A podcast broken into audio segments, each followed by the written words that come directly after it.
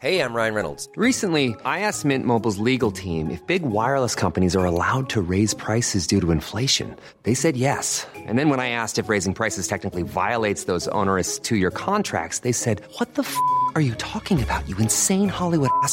F- So to recap, we're cutting the price of Mint Unlimited from $30 a month to just $15 a month. Give it a try at mintmobile.com slash switch. $45 upfront for three months plus taxes and fees. Promo rate for new customers for limited time. Unlimited more than 40 gigabytes per month. Slows. Full terms at mintmobile.com. Den där...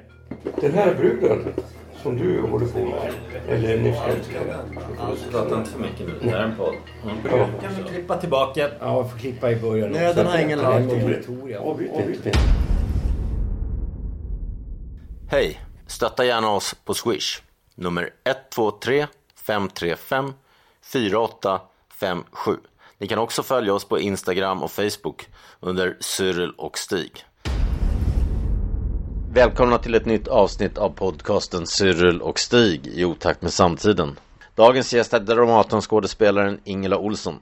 Ingela började redan 1980 med teatergruppen Saragasso i Stockholm tillsammans med regissören Richard Günther. Nio år senare återförenades hon med Richard vid Teater Galeasen. Under 90-talet gjorde hon där flera starka porträtt. Under 2000-talet har hon varit verksam vid främst Dramaten.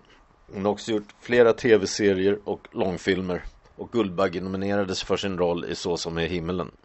Just nu är hon aktuell med pjäsen Det oroliga baserad på Linn Ullmans roman och i regi av Pernilla August som går på Dramaten. Okej, välkomna säger vi till Ingela Olsson som är hos mig idag på Kungsholmen. Tack. Ja. Roligt att se dig. Roligt att se er. Ja. Du är aktuell i Det oroliga på eh, Dramaten. Efter, baserad på um, Linn Ullmans bok. Ja. Om eh, Ingmar Bergman och hans dotter och mamma, eller mamman till hans dotter kan man säga. ja, precis. Hennes uppväxt har hon skrivit om. Så, så, och du spelar eh, Liv Ullman. Ja, eller jag, jag tänker inte att jag spelar Nej, nej. Ullman. Det är ju ingen som... Alltså i vårt teatermanus står det ju liksom kvinna 1, 2 och 3. Dessutom spela eh, eller gestalta Anita ju. Pappan eller fadern i det hela dramat. Så vi har försökt lite distansera oss från det. Som alla ändå läser in i alla fall i Ja. publiken. Så fort man kliver in där så tänker man ju på Ingmar och Liv och, och Linn. Men vi, vi liksom...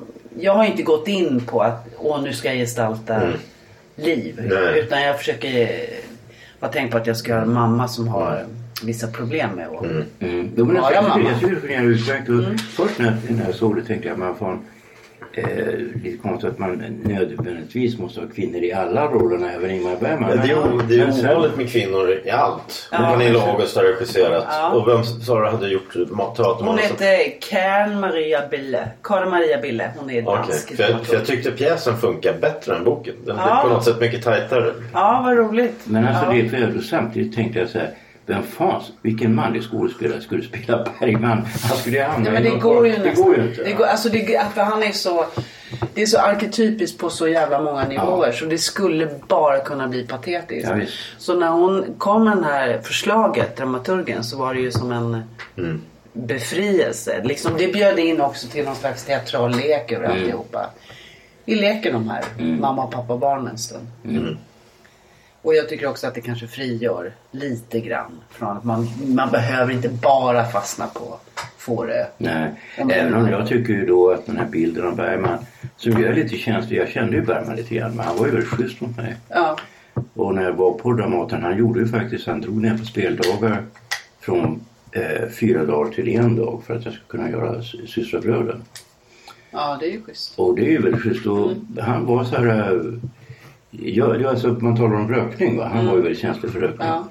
Men på den tiden fick man ju ändå röka eh, på Dramaten och jag var ju sån enbiten rökare så att när vi träffades första gången och Löfgren presenterade oss så då tände jag ju omedelbart en cigarett. va. Och då stirrade både Löfgren och Bergman på cigaretten och jag fattade det här kanske inte är så bra. så jag sa, ursäkta mig Bergman men alltså är det så att är det verkligen så att du är allergisk? Nej det är jag inte men släck gärna cigaretten. Ja. Kallade man honom Bergman och inte Ingmar? Jag tyckte det var pinsamt att säga Ingmar. Jag var ju inte kompis med honom. Och då så då frågade jag mig vad, vad det handlar om. Nej, förstod det var så här att på 40-talet så var jag kedjerökare. Jag rökte två paket eh, Chesterfield utan filter. Och, och, så skulle jag, och då fanns det antabus mot eh, cigaretter. Oj då. Det var något nytt. ja, och då så då fick jag det helt enkelt... Nej, det är ju naturligtvis förbjudet och säkert farligt. Jag fick kramper i benen av det här. Herregud. Det är ju inte så att jag får kramper i benen idag men jag tycker det är otroligt obehagligt att känna lukten. Mm. Ja, det är fan, jag ska inte röka mer. Nej men vi har ju väldigt olika, jag menar Pernilla har ju liksom nästan blivit till som skådespelare Mm. med eh, Ingmar Bergman. Så för henne, hon har ju en otroligt nära relation till honom. Men det var en av hans sista musor eller man ska säga. Ja det får man säga. Och jag har aldrig ens träffat Karl. Alltså, jag har aldrig ens varit i närheten av honom. Mer än som publik såklart. Att man har följt och sett alla filmer och, och allting och var fascinerad. Men, så att jag känner mig liksom ganska fri i förhållande till, till det där. Men jag tror kanske för Pernilla var det också viktigt att göra lite den här avstånden. Liksom, med att, att inte bara skulle gegga runt i det privata. Liksom. Nej men det var ju, det, alltså det, det går inte att komma ifrån att han hade ju en enorm betydelse för skådespelarna. Framförallt tror jag genom att göra plats för dem. Ja. Alltså, alltså att göra så att det blev möjligt för dem att, att inte bli störda av massa runt omkring dem och allt sånt där. Va?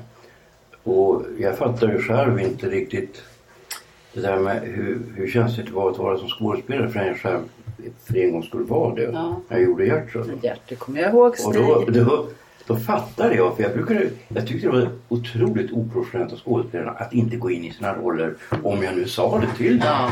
Men det är inte så jävla självklart som man tror. Eller? För att du är ju där också som privatperson. Det går inte att komma, du kan inte komma ifrån det. Va? Alltså egentligen, du har ju ingenting annat än din egen person Nej, att tillgå. Sen kan du möblera lite grann i den Ja, så visst, du ser ut inte- som någon karaktär. Jag visst, du kan inte helt enkelt bara skippa det själv. Jo- Jobbade Pernilla som... Du har ju jobbat med Rickard som, som Ja. jag filmade ett tag. Ja. Och han jobbar ju väldigt mycket med scenerier. Ja. Precis som Ingmar Bergman gjorde Ja. också som han Ja. blev galen på Tors- att Torsten hade ändrat Ja. det. Sist där. Gjorde Pernilla det också precis som honom? Ja, fast det var en helt annan... Eh, jag menar, det här var ju Pernillas första teaterregi. Hon har ju liksom gått över till regisidan med film. Liksom. Så att jag tror att vi provade oss fram tillsammans ganska Okej. länge. Så det var inte så att hon kom. Det är ju en väldigt stillsam föreställning. Det är inte mycket... Vi rör ju inte speciellt mycket på oss. Utan det är ju...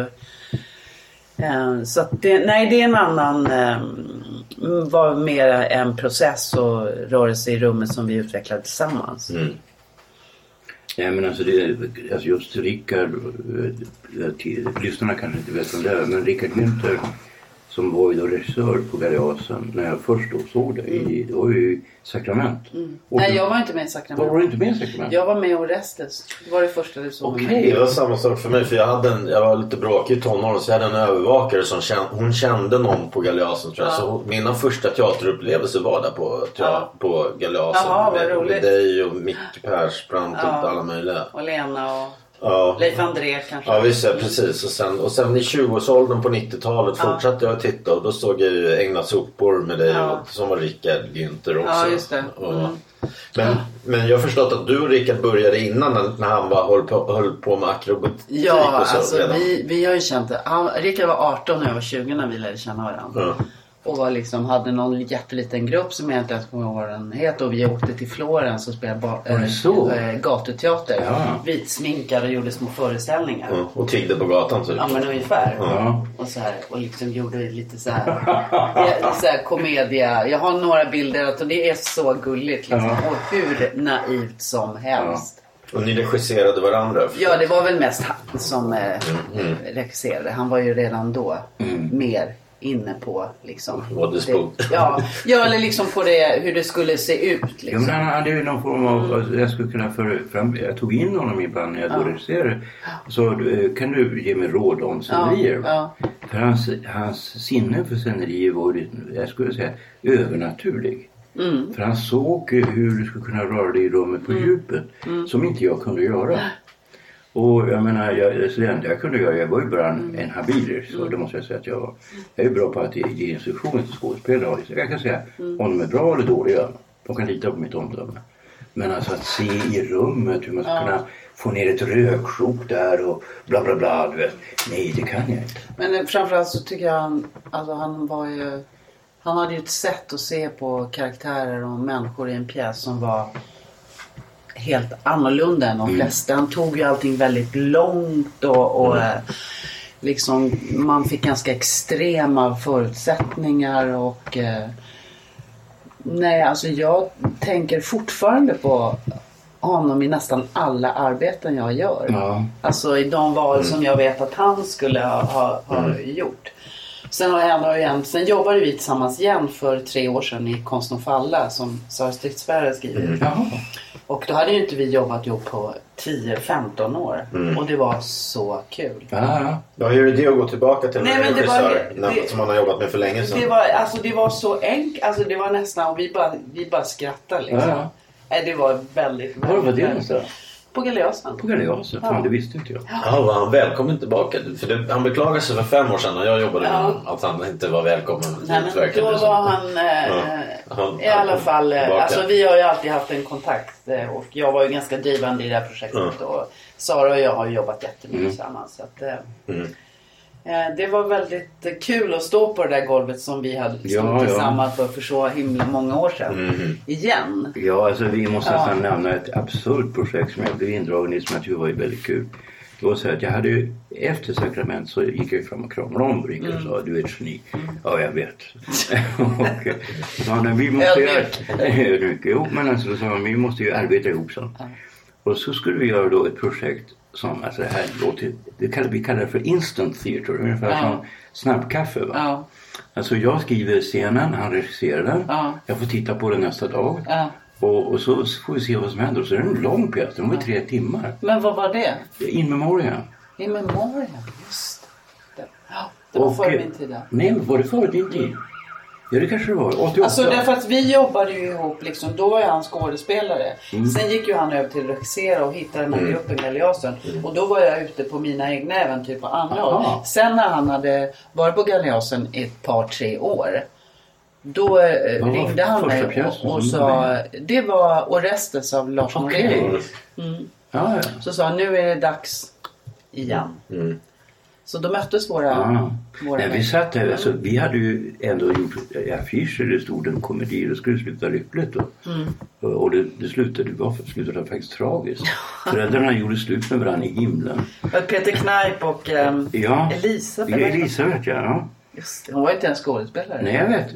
Eh, och eh, ja, det var väldigt speciellt. Och ingen av oss hade ju sett föreställningen. Och han på genrepet då, som skulle ha innan. Mm. Eh, var några kritiker. Så fick han ett utbrott och kallade alla för alkoholister och så här. Och, eh, och skällde ut Rickard fick. Ja, och skällde ut alla. Och, och så blev ingenting. Så vi hade vårt genrep. Första gången pjäsen spelades överhuvudtaget. Det var när, först när publiken kom och kritikerna.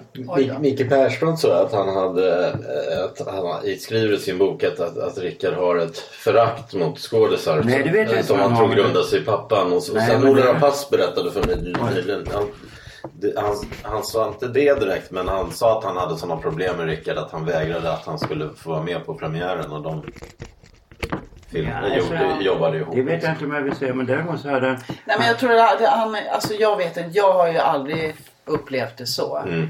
Tvärtom, jag har ju känt liksom. Det är klart han var jävligt dominant och det fanns i en period i hans liv mycket alkohol som gjorde honom omdömeslös och ibland rent utav svinaktig liksom. Som är, men, men eh, jag tycker tvärtom för min egen del att han har liksom öppnat saker och gjort saker möjliga och verkligen aldrig velat liksom ha mig eller någon annan kvinna på Galeasen på den tiden att vi skulle stå i något litet hörn eller så. Nej, så Verkligen var han inte när jag följde Nej, honom heller. alltså oerhört på något sätt androgyn i sin hållning till... eh, Ja, men jag upplevde då att han, var, han blev då ett, eh, ett stort namn och sen blev han tagen till Stadsteatern och Ja. tycker jag blev ganska dåligt behandlad för han gjorde skådespelaren en enorm tjänst. Jag såg första föreställningen han gjorde, Mars av Barbro Smeds. Mm. Som han gjorde, alltså han fick skådespelarna att vara bra på ett sätt som jag gissar att de inte kanske har, har varit tidigare. Va? Men han var lite mer, alltså inte så tjänstemannaaktig Nej, som eh, du ska vara över, på. överhuvudtaget inte. Sen kanske jag vet inte om det var mer problematiskt för honom och manliga skådespelare. Det, men det har jag tänkt på efteråt. Att det, blev, att det kunde bli laddat. Och det är klart han sa. jag ska inte försvara allt han gjorde utan Mickes upplevelse är hans liksom. Mm. Och ibland typ att man har haft genomdrag och liksom så här utskällningar och sånt där. Det, det gagnar ju inget jag och ingen. Det Men det var därför att han var lite blyg typ. tror jag. Ja, jag vet inte vad det berodde på. Men, men så här, i, i kärnan så tycker jag att han var väldigt intresserad av skådespeleri och liksom ville åt någonting naket och Ja. okonstlat och väldigt så här djupt mänskligt egentligen. Ja, och sen Kunde han inte alltid sätta ord på det? Nej men alltså vi använde varandra. Han fick hjälpa mig med scenerier. Ja. Jag fick hjälpa honom med ord. Jag vet inte, han, han gjorde då Roberto Socco. Ja. Då hade han en idé att han inte skulle ha någon ljussättning överhuvudtaget. nej, det. Och jag skulle då förklara för skådespelarna varför han inte ville ha det. Eh, och han hade en idé. Jag tyckte att det inte var helt tokigt. Va? Och, för jag är bra Lite tröttsamt för publiken Ja, det, ja, ja. Men alltså den är så expressiv i sig. Han ville spela den icke-expressivt. va? Och det låg ju någonting i det. Mm. Ja. Och, och jag tyckte då att vi hade en väldigt bra... Och sen var det då förhållande till Torsten. Va? För Torsten han såg ju Rickard som en konkurrent. Och Mm. samtidigt så här... Eh, nästan så här... Eh, som en eh, på, ett rival på ett positivt sätt. Är det jag eller Rickard som är bra? De har ju många likheter också. De är lika gamla. Ja, ja, båda har ja. tvilling, Ja. båda har tvillingar. Eller är tvillingar. Jag jobbar med bägge två fast jag mycket, mycket mer med Rickard än med Torsten. Men eh, det finns definitivt likheter. Jo men båda två hade en enormt sinne för just scenerier. Va? Ja. Sen är Torsten lite mer burlesk skulle man säga. Kanske. En, Nej, det var Ja, det. nej, Rickard var också det på sin tid. Det var ju ganska...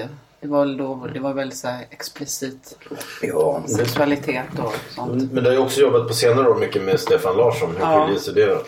Alltså det är ju en, en helt annan typ av eh, regissör. Också en helt annan tid i livet. Vi ska inte glömma de där åren. Alla var ju så unga då också. Man var ju o, liksom man slog vilt åt alla håll och kanter och provade sig fram och sådär.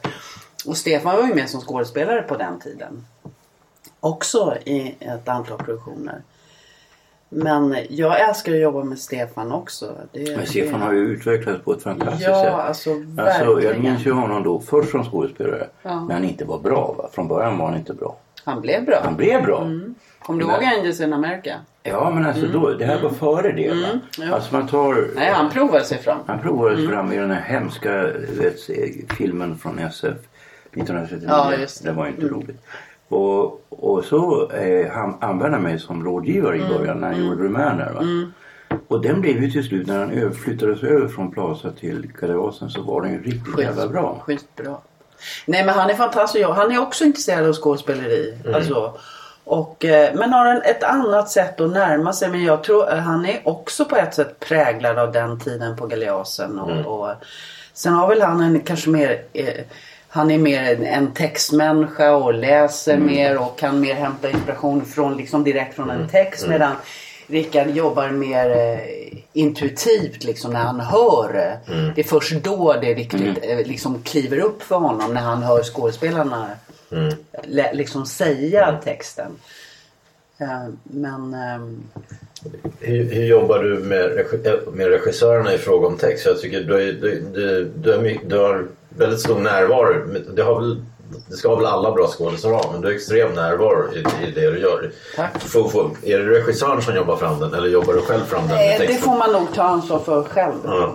Tycker jag. Alltså jag, jag tror också det är det jag har med mig där från Deliasen. För att vi, jag aldrig kom ju inte in. Det var aldrig något stort geni som skulle berätta. Så här lilla gumman förstår hur ska du göra. Vi var ju lika gamla ungefär. Och provade oss fram. Och man fick vara van och, och liksom ta ansvar för sig själv också. Och slåss och knuffa bort Leffe och säga för fan flytta på dig. Nu har du, nu har du stått i mitten en halvtimme. Nu är det min tur. Så jag tror det har jag, det har jag liksom eh, med mig. Och det tycker jag på något sätt varje skådespelares ansvar. att Regissörerna kan ju vara olika och ha olika saker att ge en. Men se, sin närvaro i texten och kommunikation med publiken det måste man ju höggradigt ta ansvar för. Jo, Om man, om man ser sig själv som medskapare på riktigt. Jo, men- Det gör jag. Alltså de gånger jag har varit lärare på scenskolan så har jag sagt det till Ja. dem att ni måste tänka på en sak för framtiden att i sista hand måste ni ta ansvar för rollen själva. Ja. För att ni kommer att möta också en massa regissörer som inte är bra. Och ni ska akta er särskilt för regissörer som spelar intellektuella. För alltså, nästan alla regissörer är under, underordnade skådespelare när det gäller social kompetens. För som skådespeleri handlar om det. Va? Och, och det gör ju att de känner sig lite osäkra. Och vad är bästa sättet? Jo, eftersom väldigt många skådespelare känner sig lite generade över att de inte är så jävla bildade. Så då använder de det som en, en, metod att få makt. Va? Men jag vet inte om det stämmer Stig. Det tycker inte jag. Att de flesta skådespelare inte... Ja, men jag tror kanske inte gör det längre men jag tyckte det var väldigt tydligt på 80-talet. Men jag tror att det, det där är liksom en, en gammal faktisk konvention om skådespelare. Ungefär som att man faktiskt skulle vara lite bättre skådespelare med. Om man inte var så intellektuell, om man inte var så medveten, om man gjorde Ja. man mer ham, liksom att det mer var reptilhjärnan som slog till hela tiden. Jo men det där, alltså, du måste förstå att vi pratar om en ganska lång tidsrymd. Det är nästan 40 år. Ja. Är vi så Ja gamla? vi är så jävla gamla. Inte du riktigt. Jag är 16 år yngre än Stig. Hur gammal du? Vilket år är du? 63. Ja, men jag är 60. Jag fyllde 61 Ja. i februari. Nej men alltså det handlar om det handlar ju fan om 40 år. Och Jag tror att det har hänt väldigt mycket på den tiden. Jag såg om nu den här fantastiska Prime Suspect med Helen Mirren. Och, eh, och så blev jag helt ställd över att jag tyckte att, att det var så sexistiskt. Och när jag Ready to pop the question? The jewelers at BlueNile.com have got sparkle down to a science with beautiful lab grown diamonds worthy of your most brilliant moments. Their lab grown diamonds are independently graded and guaranteed identical to natural diamonds, and they're ready to ship to your door. Go to BlueNile.com and use promo code LISTEN to get $50 off your purchase of $500 or more. That's code LISTEN at BlueNile.com for $50 off. BlueNile.com code LISTEN. Millions of people have lost weight with personalized plans from Noom, like Evan, who can't stand salads and still lost 50 pounds. Salads, generally, for most people, are the easy button, right? For me, that wasn't an option. I never really was a salad guy. That's just not who I am. But Noom worked for me. Get your personalized plan today at Noom.com. Real Noom user compensated to provide their story. In four weeks, the typical Noom user can expect to lose one to two pounds per week. Individual results may vary. Det förra gången, för 20 år sedan. Tänkte du inte på det? Jo, jag, jag, jag, det kanske jag tänkte på det, men jag var inte så, jag Nej. inte så chockad. Eller också är det du som har blivit präglad av tiden. Det är klart du har. Det är klart jag präglas av den Det tiden. gör väl alla, annars vore vi ju otäcka. Mm. Mer eller mindre såklart att vi är en del av, av... Nej men jag förstår vad du menar men jag, jag har alltid vänt mig mot det. För jag tycker jag har stött på det ibland. Att, att eh, det finns en sån romantisk bild av skådespelaren som lite liksom något stort Ja, barn. jag kan ta ett exempel. Jag minns ju när jag regisserade på Dramaten så regisserade, vad heter hon, eh, Hilda Hellvig bredvid mig. Och det var någon pjäs som gjorde och som byggde på, ja det var eh, penicillin. Och skådespelarna de hade ju liksom ingen riktig koll på grekisk mytologi. Nej. Så de frågade mig då, vi vad är akajer för någonting här. så jag berättade dem. De ropade akajerna kommer, akajerna Ja. kommer. De hade ju inte en susning Nej. vad det var. Och hon, hon förklarade ingenting för dem. Och det tyckte jag var ganska oförskämt. För sa, alltså, man, alltså, om man vill veta vad det handlar om måste man fan få veta det. Ja det tycker man ju. Och hur ser du på dina roll, r- roller? Och särskilt de huvudrollerna. För du har spelat ganska säregna, starka kvinnor. Drottning Kristina, Elektra, Kristin, Fröken Julie. Ulrike Meinhof i Therese. Den såg jag också. Solanas. Ja, Valerie Ja, Solanas. ja, Ja. Nej det är inga nyponrosor kanske. Jag tycker att det har varit roligt. Spännande människor. Med massa motsäg, eh, motsatser och motsägelsefulla och starka viljor och okonventionella. Det tycker jag är betydligt roligare att gå in i. Men det är också så att man upplever så här, på lite sikt, på 10-20 Ja. års tid. Att man bär vissa roller med sig. Att de har liksom på något sätt fått med en färg i, ens egen personlighet. Att har på något sätt gett någonting. Att du har upptäckt någonting Mm. hos dig själv genom dem. Jo men så kan det nog vara. Eller vi- via, via, via vissa texter man har arbetat med. Så är, så är det ju. Absolut. Men skådespeleri är ju höggradigt att Alltså man har ju ingenting annat än sig själv och sina egna erfarenheter att tillgå. Det finns ju ingenting annat. Så på något sätt hela skådespeleriet handlar om att, att göra sig själv tillgänglig. Och då vissa texter man möter liksom, eh, har ju fungerat som någon slags dyrkat, liksom, dyrkat upp rum i en. Eller en aggressivitet eller en sorg eller vad det nu än är för känsla. Eh, så att, eh, men apropå det, jag tycker det har varit kul. Jag har sökt upp de här rollerna och jag har fått dem i någon slags kombination tror jag. Vad ser, vad ser du framför dig nu? Vad är det någonting som du alltså, arbetar med framöver? Ja, jag ska, göra en, jag ska göra, jobba med en regissör som också betyder mycket för mig förutom Stefan och Rickard. Som heter Tatto Hämmerleinen. En finsk regissör som jag har gjort bland annat ett år av magiskt tänkande. Den här monologen. Didion, ja. Mm, John Didion. Och ett annat projekt. Och nu ska vi göra Fedra på Okej. Dramaten. Och eh, han håller på att jobba med en dramaturg nu. De ska skriva ihop en, en Fedra av massa olika. Det finns ju flera Ja. stycken som du vet som är bildad. Ja, någorlunda. Ja, eh, Racine och Euripides Mm. och Seneca och så här. Så de gör en, en och vi har, jag har liksom hållit på. Jag har velat göra en Fedra Mm. länge. För annars har, har ju också gjort mycket eh, modern teater. Ja. Kan, kan det vara anledning också för att du inte har velat göra de där nyponrosorna? Att de, de är mer i den gamla? Ja, det, det, Du har det inte jag. Ja. samma sorts kvinnoroller Nej. i den gamla, eller den klassiska teatern. Så är det verkligen. Så. Så är det verkligen. Jag menar, jag har inte känt mig hemma och jag har inte kunnat känna igen mig. Utan jag, har, jag tror att om man tittar på allt jag har gjort de här 40 åren så är det säkert 90% modern dramatik. Mm. Och ganska många rena urpremiärer. Ja, Så är det nog. Mm. Ja. Men Fedra är ju mer en mytologisk. Mm. Liksom. Jag har alltid haft en dragning till grekerna. Alltså jag tycker om det. Det är liksom arketypiska i dem. Ja, men en de- speciell grej med, Ja. med Sofokles.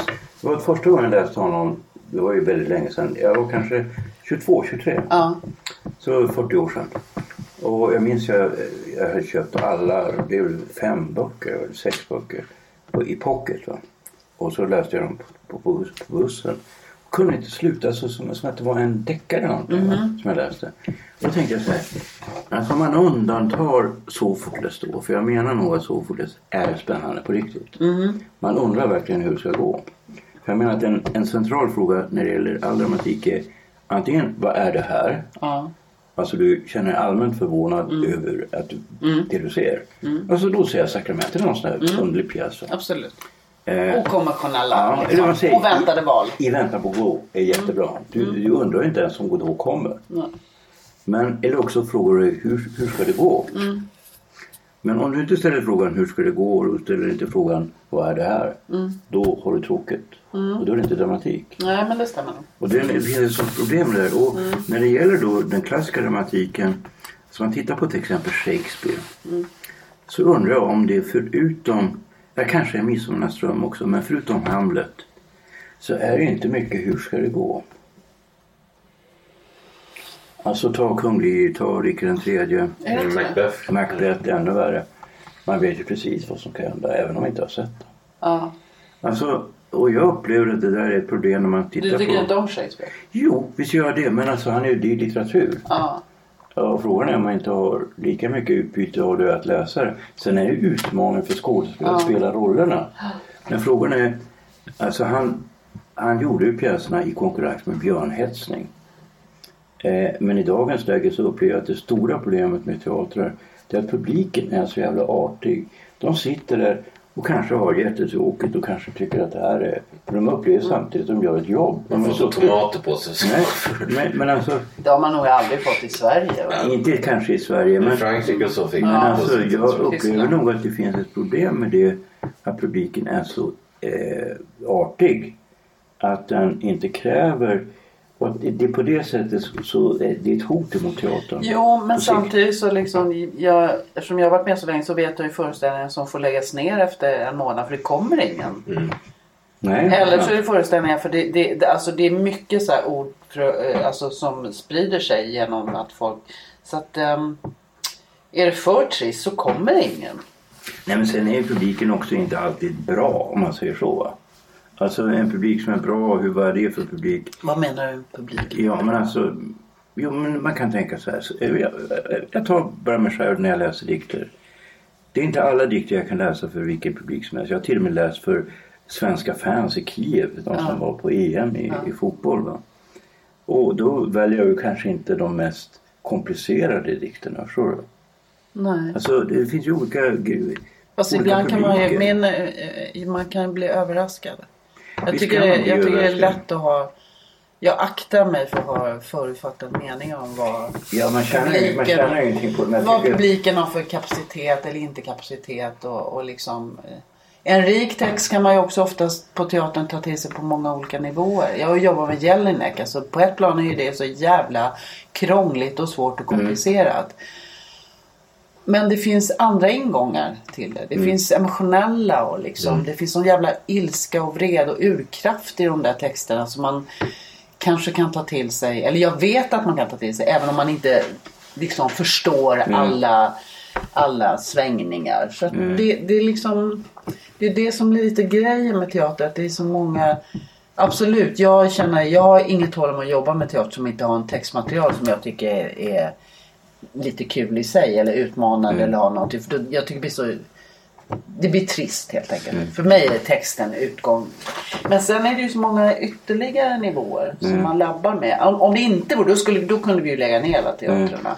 Jelinek gjorde ni på Galeasen innan hon fick Ja, Nobelpriset precis. till och med. Vet du att vi spelade ju den föreställningen när hon fick ja. Nobelpriset. det, var ingen som, det. det var inte Frostenson som hade läckt till, till någon In, inte, eh, jag vet, Ehm, inte vad vi hörde utan vi hade ju spel, vi hade haft premiär. Det var Ja, då var fyra, liv. fy, fyra veckor efter premiären eller om det var två veckor efter premiären Ja. så får hon Nobelpriset. Ja.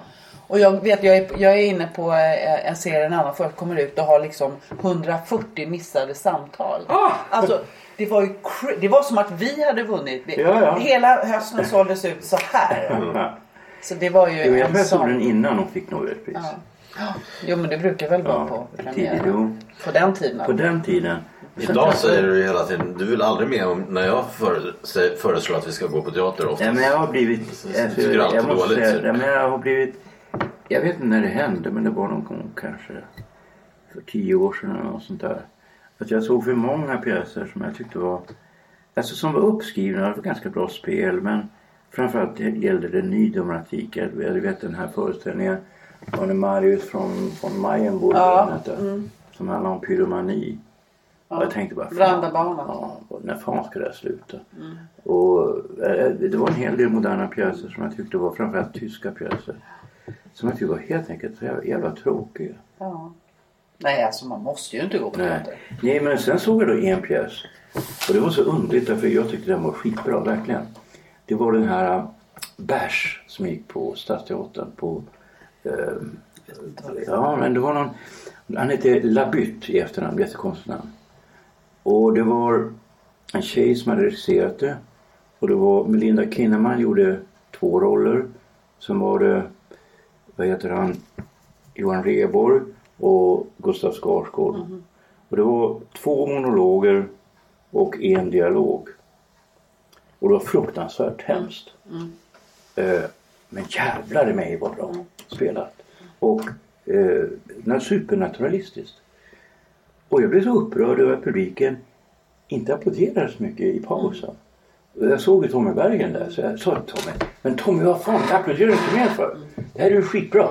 Ja men alltså om du jämför med Pinter så här, jävla snål. Han Han, han, har, han, har kört fa- han har kört fast kan vi säga. Ja men alltså det var, det här var... Nej, men jag, men, jag vet inte, så är det väl med all, all konst. Det finns väl liksom hur många jävla målningar och, och skulpturer och dikter och romaner och filmer som är uttråkiga. Och så finns det vissa som är skitbra. Alltså det, det, jag tycker ofta teatern får liksom bära att den alltid måste vara oerhört underhållande och givande. Det orsaken till det, det är att när du är på teater så kan du få vara med om en upplevelse som du inte riktigt kan vara med på när du ser dans eller när du ser film eller när du läser en bok. Så är det. Plus att man också liksom... Alltså du blir slagen man, till marken på ett sätt. Ja, men plus också att du sitter liksom fast på ett Ja, annat det sätt än i en Det- biograf. det är ju Du, du jobbigare. vill inte bara sticka, du kan inte bara sticka om det är dåligt och Ja. då finns det inget som är mer tråkigt än Nej. att sitta där. Nej men det är ju så. Det är ju mer krävande för att vi är i samma rum. Det är ju någon typ av möte hur man än vrider Ja, och vänder på det. Och det, det, är, det är mer genant att se dålig teater än en dålig film. Mm. Så är det ju. Så jag förstår är, är det. ju starkare. Det Men om man, men precis när det väl svänger till då Ja. jävlar. Men det är det som jag tycker är, är alltså att jag, jag vet inte. Det kommer till en punkt när du inte längre har förtroende riktigt för institutionen teater. För tidigare så fanns det jag vet Nisse Schwarz frågade mig en gång på väg till lunchen vad jag tyckte om en uppsättning av Gustav Stefan Larsson. Eh, jag minns inte vilken det var nu. Eh, och jag, det var någon Ibsen-grej tror jag. Jag hade inte sett den. Och han tyckte det var konstigt att han och, och Leif Sern och eh, vad heter han på svenska, Lars Ring hade haft så olika åsikter. Det är inte första gången. Ja, inte första gången, men de brukar inte ha så väldigt olika åsikter, förstår du? Kanske. Och, och då tänkte jag så här, så här skulle aldrig en litteraturkritiker ställa. Han skulle inte ställa frågan. Men när det gäller teater så är det så att om kritikern är helt fel ute och helt ute och cyklar så har han ett problem. Förstår du? Alltså, Men du menar att det finns en sanning om en Ja. föreställning? Ja men där är du, det är ju din käpphäst. ja men alltså annars skulle jag. ja, men annars skulle du fan inte gå och regissera här. Nej men det, det ja. Ja, men alltså, du, Det sitter ju i samma, du sitter ju i samma salong va? som alla de andra och du är kanske 10, 15, 20 meter från skådespelarna. Om inte du ser att det är bra eller dåligt då är du dum i huvudet. Ja, men jag kan inte säga det för jag kan lova att du och jag kan ha olika åsikter Det tror om en, en skådespelare, en, en eh, regissör. Det Då kan måste jag du gå på lova. teater oftare. Det kan, jag- det kan jag lova Stig. Jag har jättesvårt för de här Ionesco, Gabrovic, vad heter de? Ja, Ja, bra. Men jag tycker det är så jävla konstigt för jag tycker alltid att teatern åker på försvar. Liksom, eh, att det är det jag menar med att det är ju ingen som ifrågasätter hela romankonsten därför att det finns 10 000 dåliga romaner. Men, så får, men om det är ett antal dåliga teatrar då ifrågasätter man.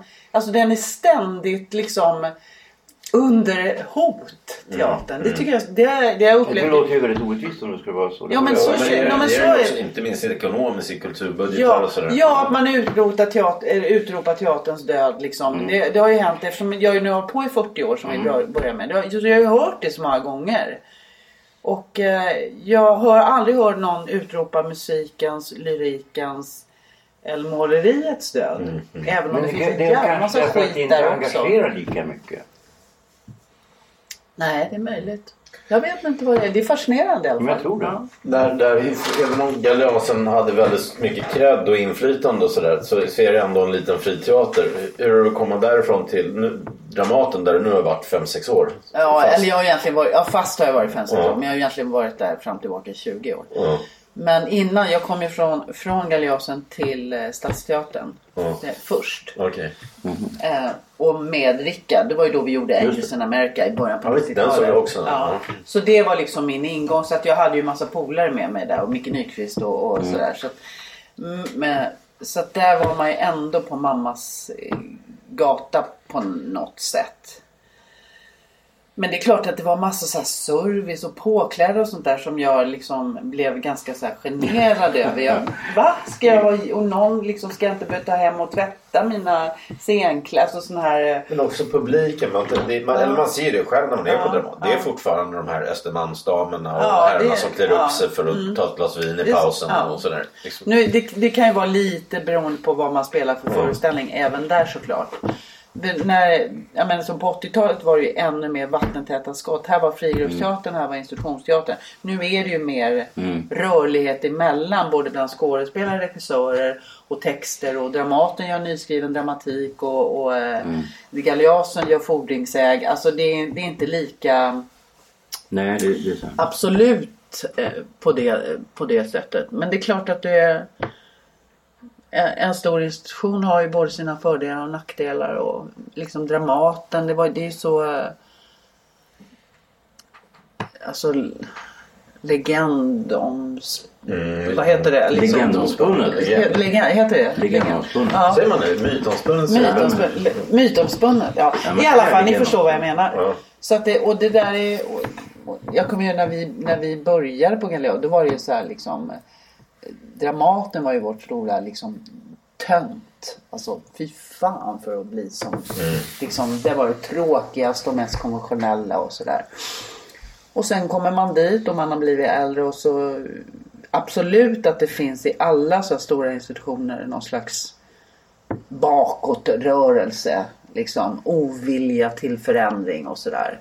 Men sen så taggar man ju ner lite grann. Det finns ju också en jävla massa kunskap och eh, resurser. Och... Jag upplevde tvärtom när jag kom till mm. jag, jag kom ju först till Dramaten. Mm. Så jag kunde ju ingenting om teater, jag kunde ju om film. Mm. Och då erkände jag ju det. Och sa till skådespelaren, det är så att jag har ju då utbildat mig till filmregissör men jag vet ja. ingenting om scenerier till exempel. Nej. Så jag föreslår, jag har väldigt, väldigt bra omdöme. Mm. Det kan ni lita på. Så att ni får hitta på scenerier. Aha. Så kan jag säga om det är bra eller dåligt. Men jag kan inte hitta på scenerier, det vore bara löjligt. Ja men det är bra. Och då det funkar det hur bra som mm. helst. Och sen hade jag ju som hjälp andra gången jag satte upp något. Då VD med Ernst-Hugo. Mm. Ernst-Hugo var ju så schysst han visade mig då. Tog mig åt sidan och sa nu ska vi titta här Stig här. Är nog inte riktigt så bra som du tror. Alltså. Och då visade han på vad jag hade gjort för fel. Va? Ja, ja det är fint. Och det var ju genom hans, kan man säga, mycket diskreta mm Eh, och jag upplevde ju då att jag fick en sån jävla backing va, av själva institutionen. Men så vill man ju att ett samarbete, för teatern är ju kollektiv. Jag menar, ja, det ska kunna bölja, bölja så med i ett kreativ situation. Liksom. Men, men sen när man väl jobbar med en text eller en pjäs eller så blir det liksom var man är, det försvinner lite grann. Det är mer liksom, mm. nu är den här texten, den här regissören, de här mm. medspelarna. Mm. Sen huset, byggnaden och så här, det är lite faller i bakgrunden. Mm, mm. Då går man in i den där världen och mm. ska få det här texten till mm, premiär mm. och så. Då blir det det viktigaste på något sätt. Mm. Oavsett var du är någonstans. Om du är på Dramaten eller Galeasen. Nu tror jag vi slutar.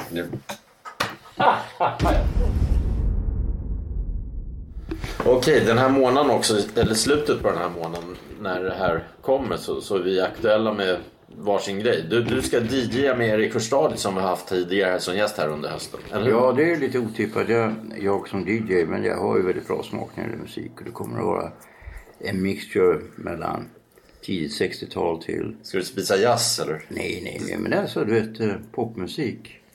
Och eh, eh, tidig punk, Gods och sånt där. Mm. Fram till, till Primal Scream eller? Primal Scream blir det nog. Ja. Okej. Okay. Och, och, och det är på Sturehof va? Vilket datum? På Sturehof den 31.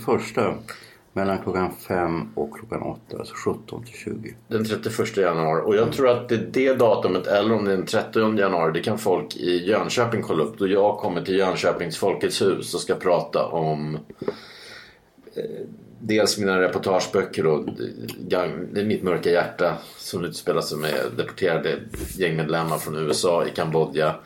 Och eh, min bok från Syrien, Rapport från fronten mot IS. Kommer kanske också komma in på fotbollshuliganer och, och det som garanterat också jag kommer komma in på är dagens situation med gäng i Sverige. Och min och Leos bok Spelet är spelet.